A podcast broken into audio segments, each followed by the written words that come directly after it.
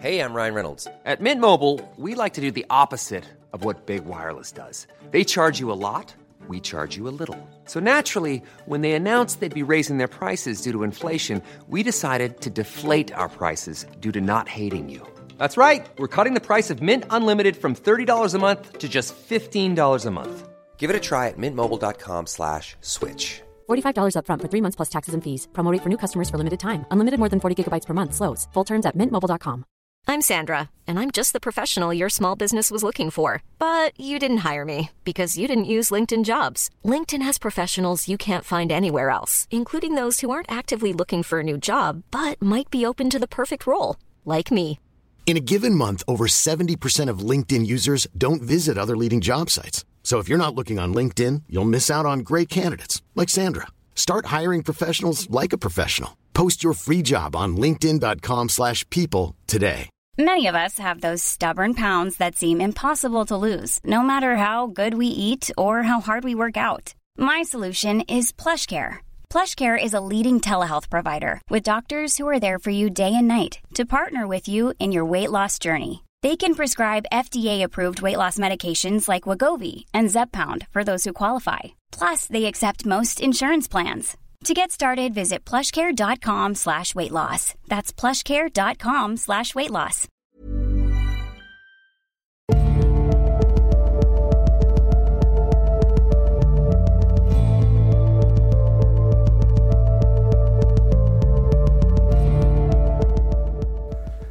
Hei og velkommen til Tåkeprat.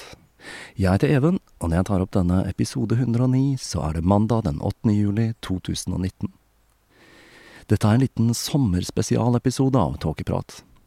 Som de fleste av dere sikkert har fått med dere, så er jeg på flyttefot, og ting er litt hektisk om dagen. Noe som vil føre til en litt lang podkast-sommerferie for min del, fram til jeg har fått ting på plass igjen. Den gode nyheten er at huset er nå solgt, så nå gjenstår det bare å finne seg en leilighet å leie, slik at jeg slipper å bli hjemløs til høsten. Men for ikke gjøre ventetiden for lang, så har jeg laget denne sommerspesialen, som er tenkt som en litt lett episode i sommervarmen, eller sommerkulda, eller hvordan nå enn været er der hvor du er. Og for å prøve noe helt nytt, så bestemte jeg meg for å ta opp denne episoden utendørs, så får vi se åssen det blir lydmessig. Om dere hører litt fuglekvitter, vindsus og slikt i bakgrunnen, så er det årsaken. Men jeg tenkte at dette kunne være med på å gjøre episoden litt ekstra sommerlig, eller kanskje litt ekstra irriterende. Vi får nå se. Aller først så føler jeg det er på sin plass å komme med en liten Vann og Vennerød-oppdatering. For mitt lille hjertesukk i episode 100 nådde faktisk helt til Petter Vennerød, noe jeg syns er utrolig kult. Jeg har fått vite at det pågikk et prosjekt med å restaurere og digitalisere filmene deres på 2000-tallet, men at det kun var fem av de 14 filmene som ble restaurert og gjenutgitt. Grunnen til at det ikke er kommet flere, skyldes rett og slett at det er veldig kostbart å restaurere og digitalisere filmer på den måten, og slik jeg forstår det, så ønsker ikke Petter å slippe disse filmene rett ut før bil, bilde og lyd er blitt grundig gjennomarbeidet.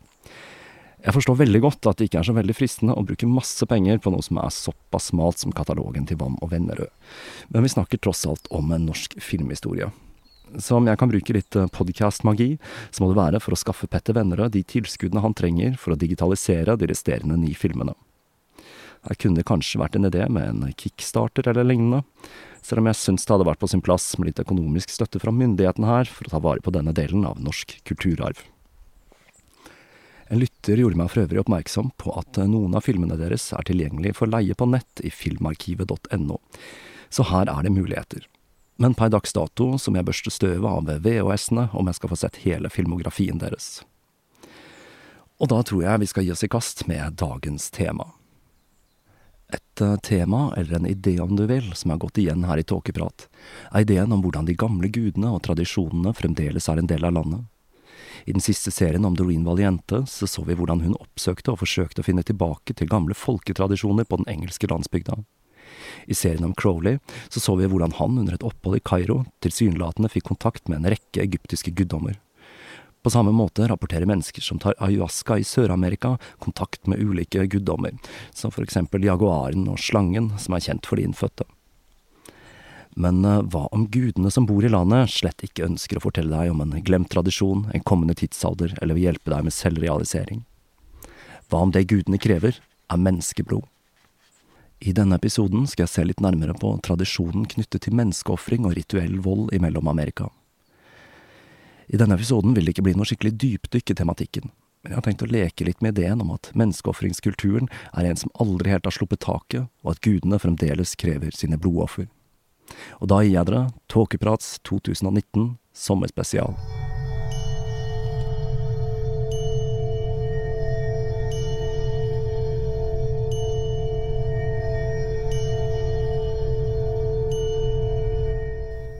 Når eh, denne flotte fyren, Hernan Cortés, og kompanene hans kommer over aztekerne på 1500-tallet, ble de forferdet når de oppdaget at nettopp menneskeofringer var en integrert del av den aztekiske kulturen.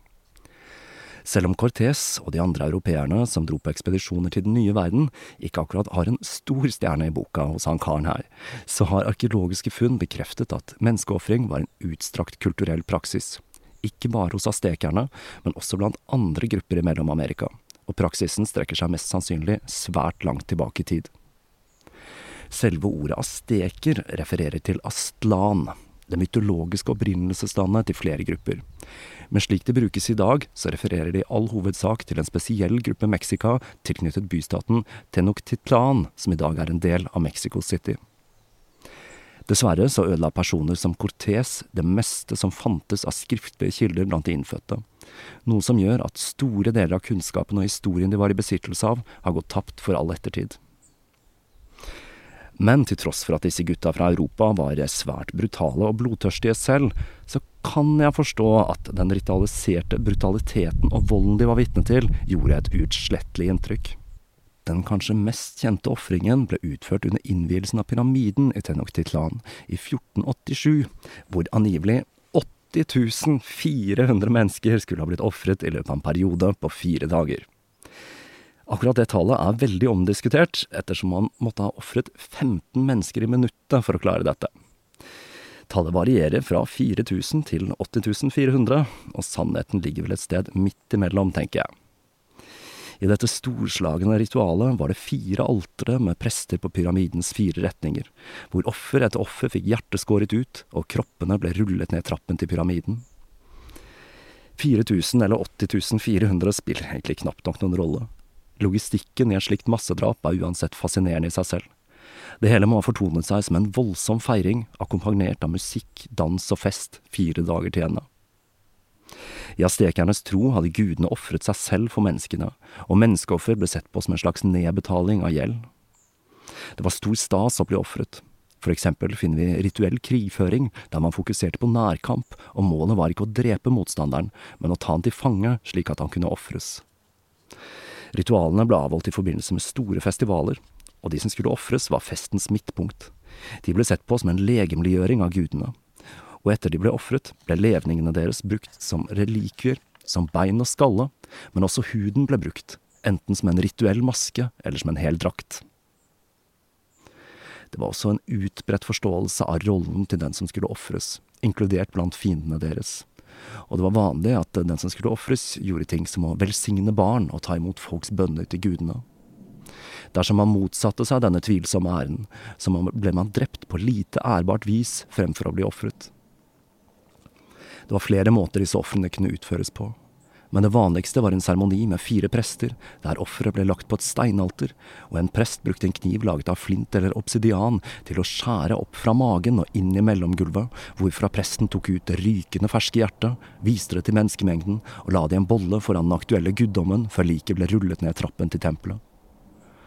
Blant den ekstatiske forsamlingen kledd i fargesprakende kostymer, dansende akkompagnert av rytmeinstrumenter, hadde de sine egne offer til gudene. Og det var vanlig å utføre rituelle blodoffer ved å stikke eller skjære seg til blods. Så det hele var en slags blodorgie til ære for gudene. Rituell kannibalisme var også en del av pakka, og her er det litt ymse spekulasjoner. En hypotese er at denne kannibalismen var nødvendig siden astekerne ikke hadde tilstrekkelig tilgang på protein men det ser ut til at dette i stor grad dreide seg om en rituell handling, og ikke matauk, til tross for historier om hvordan de gasset seg skikkelig på de beste kroppsdelene fra ofrene. Det er mulig Ed Gean hadde følt seg hjemme i den forsamlingen der. Astekerne hadde mange forskjellige guder som krevde ulike typer offer. Her må Klarlok nevnes. De trodde at dersom denne guden ikke fikk tilstrekkelig med offer, så ville dette føre til ting som tørke, feilende avlinger og sykdom. Det som gjør at Tlaloc utmerker seg litt, er at det var barn som ble ofret til han. Når arkeologene kom over 42 barn som var blitt ofret i Tlaloc i Tenochtitlan, så oppdaget de at skjelettene bar preg av å ha fått store skader før de døde. For det var ikke nok for Tlaloc med barneliv. Barnetårer var nemlig også en viktig del av offeret til denne regn- og fruktbarhetsguden. Og tårer ville sikre rikelig med regn i regntiden, trodde man. Her snakker vi om ganske brutale greier, altså, når de å ofre barn ikke er nok i seg selv, men at det er viktig at de går inn i døden med mest mulig smerte og gråt. Vi finner flere ulike fantasiefulle ofringsmetoder, som eh, utsulting, å bli slått i hjel, kastet fra høyder osv. En litt kreativ metode var en type offer til guden Toki, der man halshugget en ung kvinne, flådde henne, og en ung mann brukte huden hennes som en seremoniell drakt. I tillegg til menneskeoffer så var ofring av dyr utbredt. En av mine favoritter her er ofrene til den kanskje mest kjente av de astekiske gudene, Quetzalcoatl, den fjærkledde slangen. For han foretrakk ofre av sommerfugler og kolibri, noe som igjen høres ut som en logistisk utfordring. Jeg vet ikke om de avlet sommerfugl eller kolibri, eller kolibri, eller om de samlet disse med nett, men jeg går ut ifra at de gikk med en del ressurser til disse små ofrene. Men dette er ikke en episode med et dypdykk i aztekernes praksiser. Det er eventuelt noe jeg får ta for meg i en senere episode, og ikke i denne lette sommerspesialen. For det jeg skal spekulere i denne episoden, er hvorvidt denne tradisjonen med menneske- og blodoffer er en som fremdeles lever i jorda og i kulturen i Mellom-Amerika. Så la oss hoppe litt fram i tid, til 1962, hvor en underlig kult plukket opp igjen aztekernes blodritualer og sjokkerte Mexico.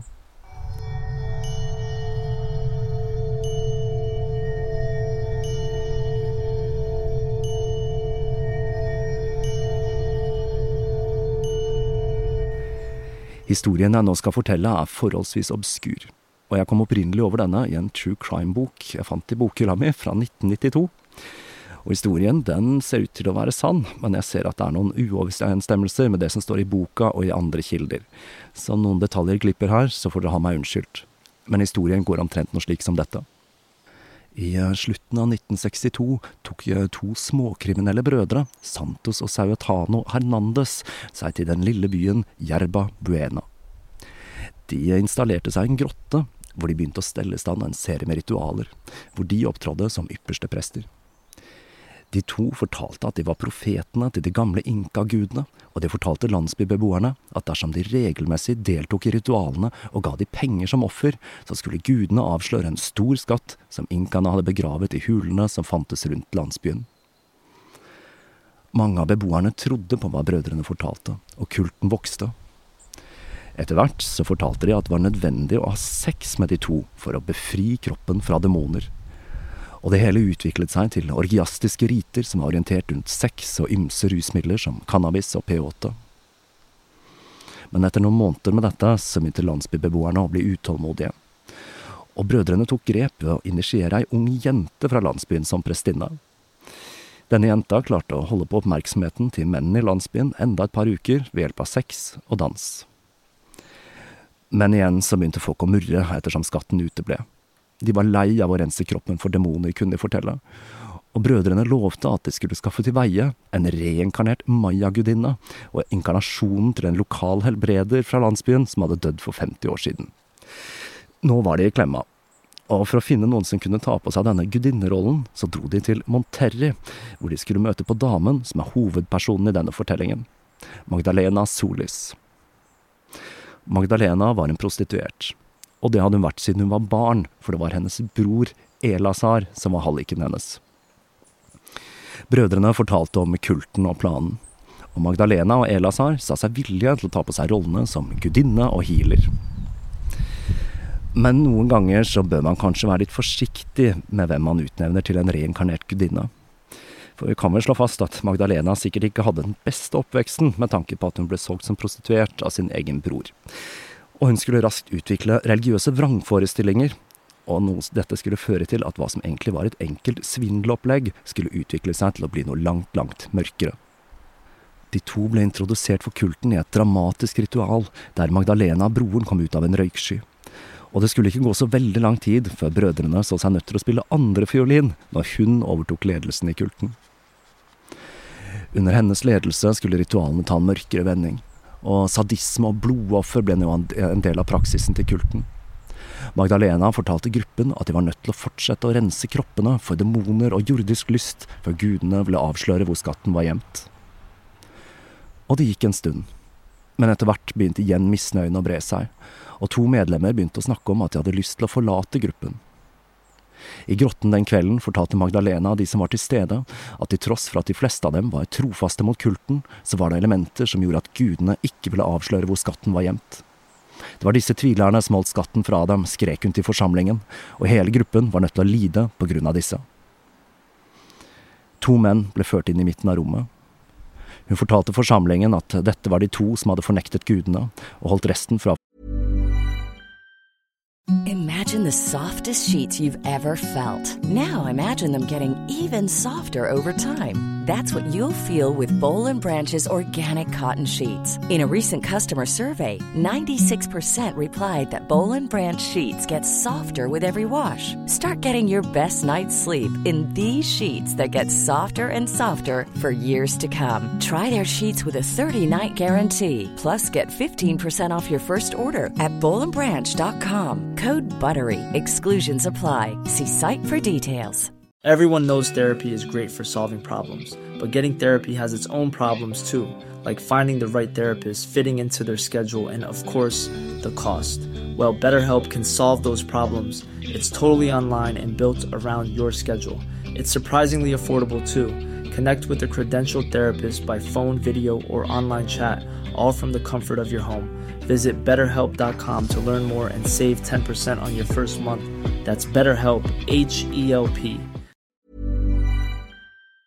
få fatt i skatten, og at det kun var én straff som var passende. Hun befalte den vettskremte forsamlingen til å steine de to til døde, og fortalte at blodet skulle samles i boller og drikkes i et felles grupperitual. Og det ble starten på enda en eskalering i ritualene. Hun fant raskt ut at frykt var et sterkt virkemiddel for å holde folk i rekkene, og metoden hun valgte å bruke, med blodriter og menneskeoffer, var en som hadde dype røtter i Mellom-Amerika. Ritene var blodritualer, der personer som planla å forlate gruppen, ble utvalgt som ofre. Dette var en type kollektiv avstraffelse, der offeret ble brent, skåret og slått av alle i gruppen, før personen til slutt ble årelatt til døde. Blodet ble samlet i en seremoniell bolle, før det ble blandet med kyllingblod og gjerne litt cannabis og peyote, før bollen ble sendt rundt og innholdet ble delt av alle medlemmene i kulten. Etter hvert begynte hun også, i likhet med astekernes prester, å skjære ut hjertet på ofrene. Det er noe virkelig spektakulært og skremmende ved tanken på å få hjertet skåret ut mens man fremdeles lever. Men det spørs vel litt om Magdalena var like fingernem som prestene i fordums tid. Brødrene begynte å få kalde føtter, og de bestemte seg for å forlate kulten før det ble oppdaget. Men det ville ikke Magdalena og etter de to dro, så bestemte hun seg for å utføre et spektakulært ritual med ei ung, vakker jente fra landsbyen som skulle ofres. Og det var under akkurat dette ritualet kultens aktiviteter skulle bli oppdaget. En 14 år gammel gutt fra landsbyen, Sebastian Guerrero, var en av de få som ikke kjente til hva som foregikk i grotten. Han gikk nemlig på en skole et godt stykke unna, og han sto opp før soloppgang hver dag for å ta fatt på de nærmere to og en halv milene han hadde gått til skolen. Når han kom forbi grotten, så la han merke til et lys og noen underlige lyder som kom derfra, og han bestemte seg for å undersøke, og det skulle vise seg at han kom midt i høydepunktet i ritualet. Han ble vitne til hvordan den unge jenta ble klubbet til døde til hun var et ugjenkjennelig ansiktsløst lik. Når jenta var død, så ropte en av deltakerne at han krevde å få skatten etter dette store offeret. En kvinne i seremoniell bekledning ropte at han var vantro, og på hennes kommando ble mannen hakket til døde med macheter, og hjertet hans ble revet ut. I sjokk løp Sebastian til den nærmeste politistasjonen, som lå mer enn 25 km unna. Han fortalte de vantro politimennene om hva han hadde vært vitne til i landsbyen, og neste dag ble han eskortert hjem av etterforsker Louis Martinez, og de to forsvant sporløst.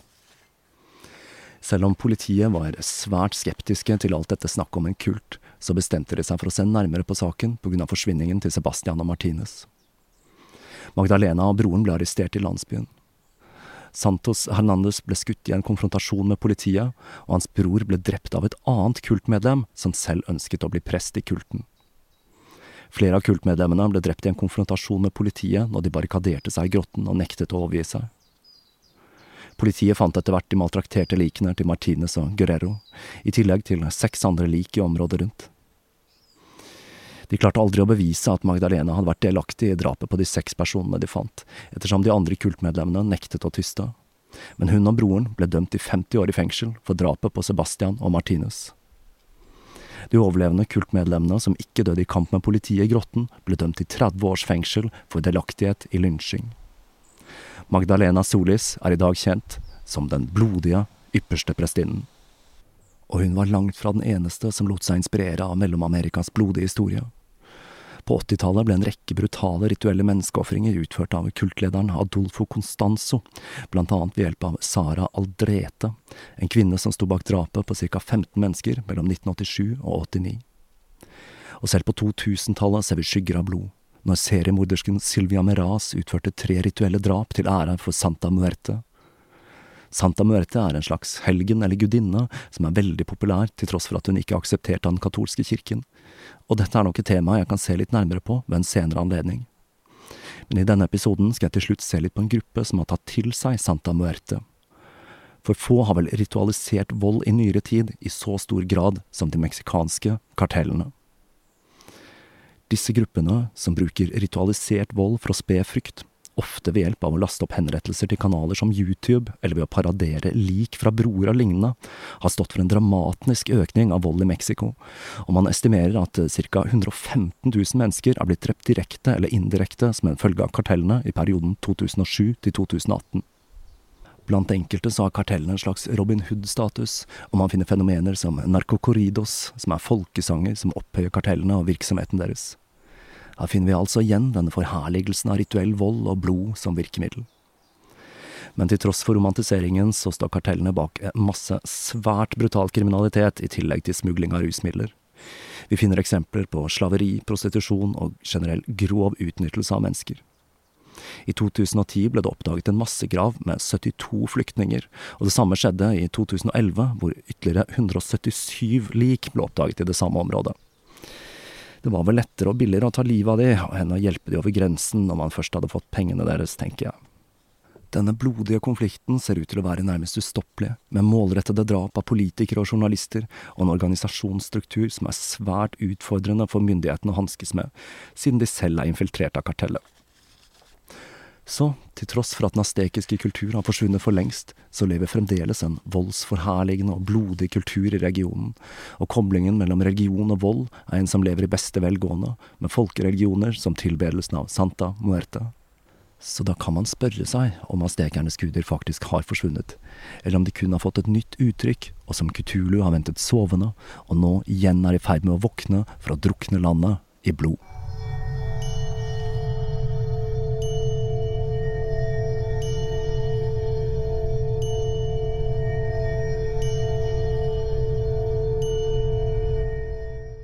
Og det var den lille uhøytidelige sommerspesialen.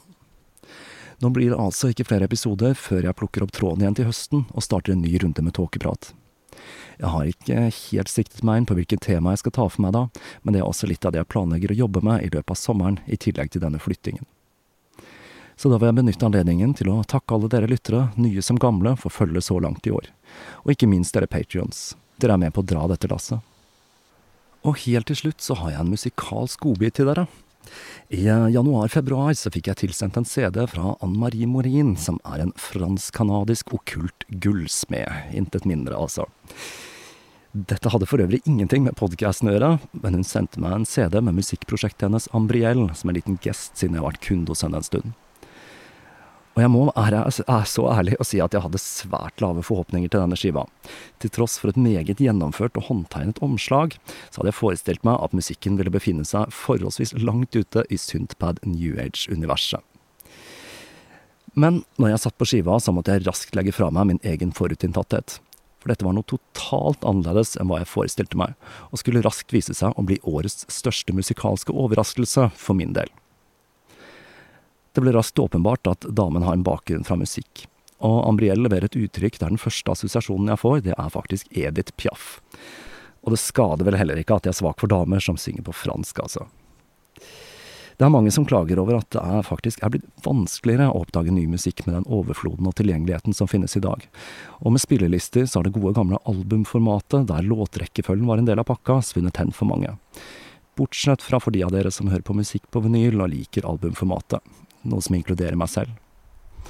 Det var derfor så utrolig kult å oppdage noe så sært som en undergrunns singer-songwriter som neppe har fått mye spilletid utenfor Quebec.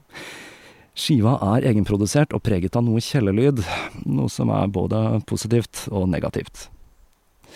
Etter å ha anbefalt denne skiva for en rekke mennesker i sommer, så tenkte jeg like så godt jeg kunne gjøre et slag for Ambriel i Norge, og hun lot meg bruke en låt fra skiva i denne episoden. Jeg kommer til å linke til musikken i episodenotatene, og jeg håper hun får noe spilletid i Sommer-Norge. Jeg har valgt ut åpningssporet på skiva, som er Temp P, som var den første låta jeg hørte. Prøv å forestille deg hvordan det er å sette på denne låta når du forventer pling-plong-synt.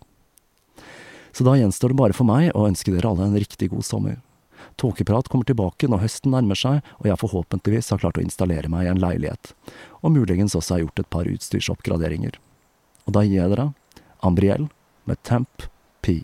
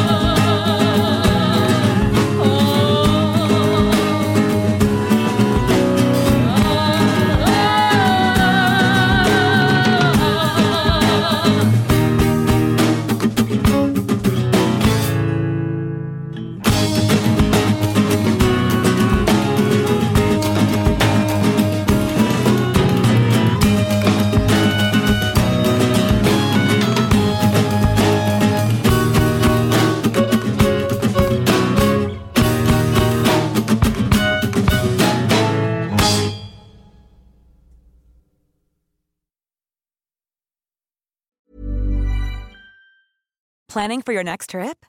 Elevate your travel style with Quince. Quince has all the jet setting essentials you'll want for your next getaway, like European linen, premium luggage options, buttery soft Italian leather bags, and so much more. And is all priced at 50 to 80% less than similar brands.